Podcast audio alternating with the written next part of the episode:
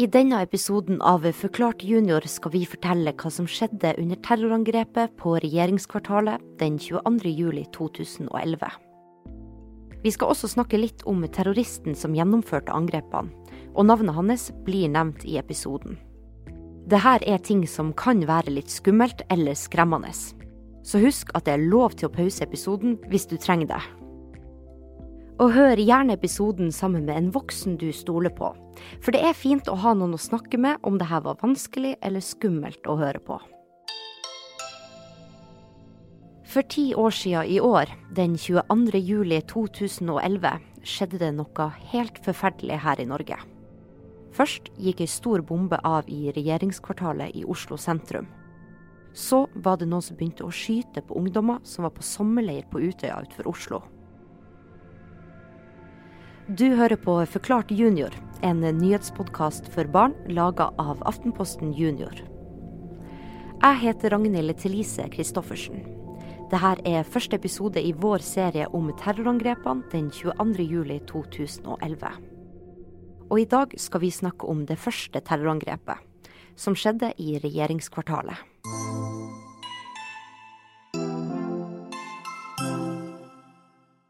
22. juli er en dato fra 2011 som er en veldig vond dato for mange i Norge. For den dagen så skjedde det største terrorangrepet i Norges historie.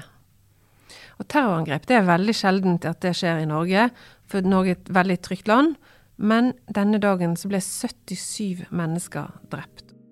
Veldig mange av de var unge mennesker. Det her er Helle Årnes. Hun er journalist her i Aftenposten. Og både hun og jeg og de fleste som er gammel nok til å huske denne datoen, husker nok akkurat hvor de var da de fikk beskjed om at det hadde gått av ei bombe i Oslo sentrum. Sjøl var jeg 13 år og var på campingferie i Luleå i Sverige. Jeg husker veldig godt at søskenbarnet til mamma ringte henne og fortalte om bomba. Først var vi alle skikkelig forvirra Spesielt for alle av dem som ikke var i Oslo, så var det vanskelig å forstå hva som egentlig skjedde. Hvor alvorlig og skummelt det var, og hvordan noe sånn her kunne skje i Norge. Over hele landet satt alle klistra til TV-skjermene og prøvde å forstå. Til og med dem som jobba i TV og radio og aviser, syntes at det var vanskelig å fortelle hva som skjedde. For det var så rart og uvirkelig, hele greia. Men etter hvert, når kaoset roa seg litt, ble det klart hva som hadde skjedd i Oslo den 22. juli.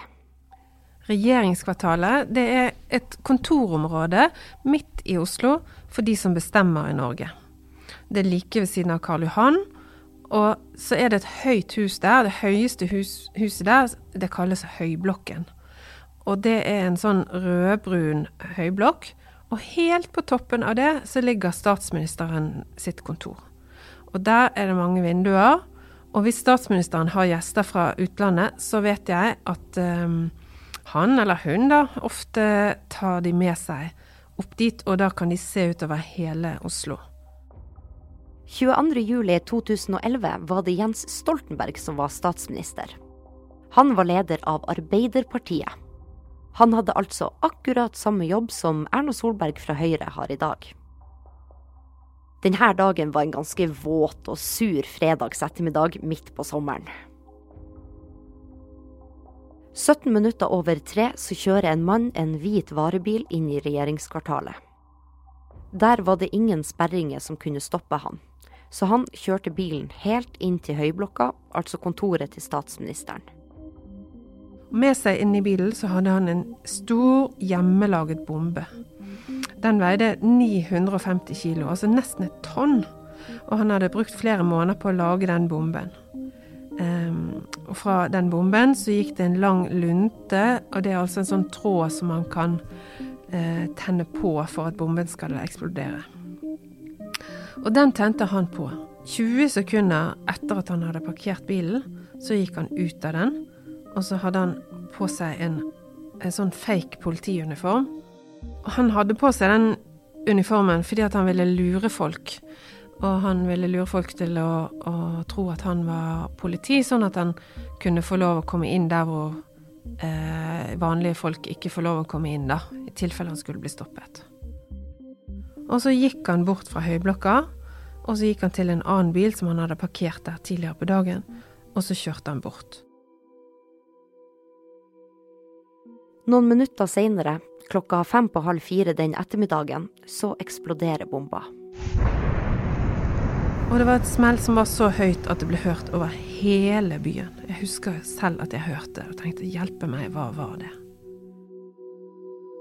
Ei bombe har altså gått av i Oslo sentrum. Smellet var kjempehøyt, og det hele ble fort veldig kaotisk. Jeg husker bildene fra eksplosjonen. Røykskya så ut som en kjempestor sopp. Høy og grå, og røyken velta utover byen. Bomben var veldig kraftig, og der hvor bilen hadde stått, så var det et stort hull i bakken. Og det var ikke sånn at hele høyblokka raste sammen, og heldigvis var det ingen i regjeringen som holder til der, som ble skadet. Men nesten alle rutene var knust, og det var glass overalt. Og mange andre bygninger var ødelagt. Og det flagret papirer fra alle kontorene gjennom luften, og de falt ned mot bakken. Og samtidig så sto det mange alarmer som sto og ringte og ringte og ringte og ringte. Mange ble hardt skada i angrepet og ble sendt rett på sykehuset. Men det var også åtte mennesker som ble drept i dette angrepet. Og så var det kjempemange som var i området, som overlevde. Og alle, for alle de som overlevde, så var de jo helt sikkert veldig livredde, for de var jo midt i den forferdelige situasjonen. Og samtidig som de prøvde å komme seg bort, så måtte de kanskje hjelpe noen. Eller så så de kanskje veldig fæle ting. Noen som var skadd, eller noen som var død, eller blod. Så jeg tror at det må ha vært som å være midt i en krig. Fordi det var en fredags ettermiddag og midt i sommerferien, var det færre folk i området enn det pleier å være. Og statsminister Jens Stoltenberg var ikke på kontoret og ble ikke skada.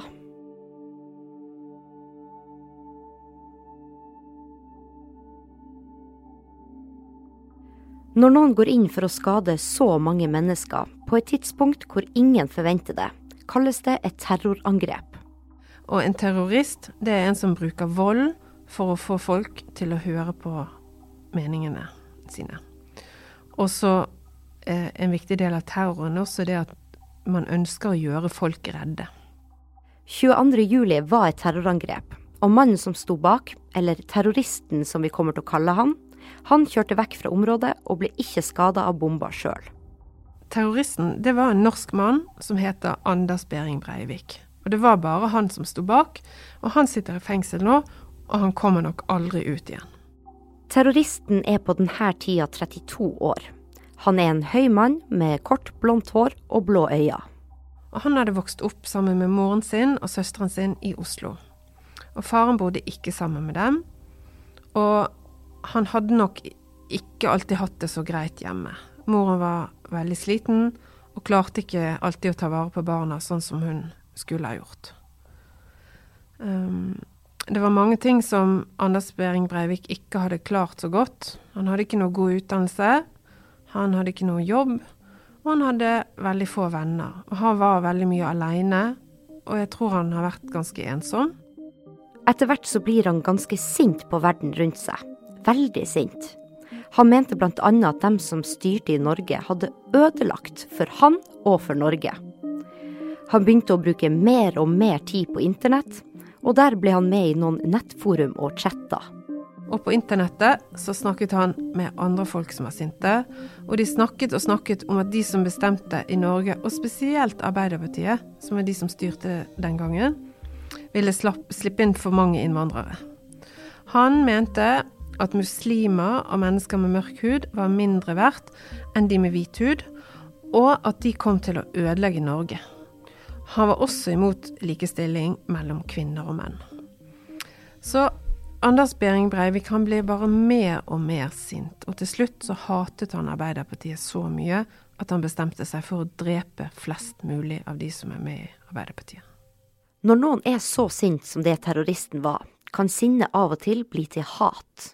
Og han hata altså Arbeiderpartiet så mye at han bestemte seg for å bruke vold mot Arbeiderpartiet og ble en terrorist.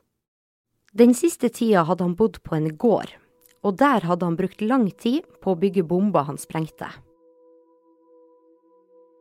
Det er veldig vanskelig å forstå hvorfor noen kan gjøre noe sånt. Men han gjorde det, og det er mange som tror at han var veldig ensom, og at han derfor hadde brukt altfor mye tid på å snakke med andre sinte folk på nettet. Og mange av de var rasister. Og de rasistene og han mente at andre kulturer og religioner skulle ta over Norge, at de kom til å ta over Norge, og det som de kalte for norsk kultur. Så terroristen mente at han måtte drepe de som styrte i Norge, fordi de styrte feil. Og han ville drepe også ungdommer som var begynt å være opptatt av politikk, og som hadde meldt seg inn i den ungdomsdelen av Arbeiderpartiet, og den heter AUF. De fleste politiske partier i Norge har ungdomspartier. Høyre sitt ungdomsparti heter Unge Høyre. Senterpartiet sitt heter Senterungdommen. Og Arbeiderpartiet sitt heter AUF, som står for Arbeidernes ungdomsfylking. 22.07.2011 har AUF sin årlige sommerleir på Utøya. Utøya er ei øy som ligger litt over en halvtimes kjøretur utenfor Oslo. I neste del av Forklart juniors 22. juli-serie skal du få høre mer om det som skjedde på Utøya denne dagen. Og hvordan terroristen til slutt ble arrestert av politiet og nå sitter i fengsel. Du skal også få møte en som var på Utøya under terrorangrepet, som forteller litt hvordan det var og hvordan han har det i dag. Til slutt er det viktig å si at vi bor i et veldig trygt land. Politiet jobber hver dag for at sånne her ting ikke skal skje. Og terrorangrep er noe som skjer veldig, veldig sjelden. Syns du det her var skummelt eller du lurer på noe, er det viktig at du snakker med en voksen du stoler på. Eller du kan f.eks. chatte med voksne som jobber for Røde Kors på nettstedet korspåhalsen.rødekors.no. Eller ringe dem på 800 333 21. Du har hørt på Forklart junior. Jeg heter Ragnhild Thelise Christoffersen. Produsent er Fride Næss Nonstad. Og Mari Midtstigen er ansvarlig redaktør. I denne episoden har du hørt lydopptak fra Wenche Smeland og Aftenposten.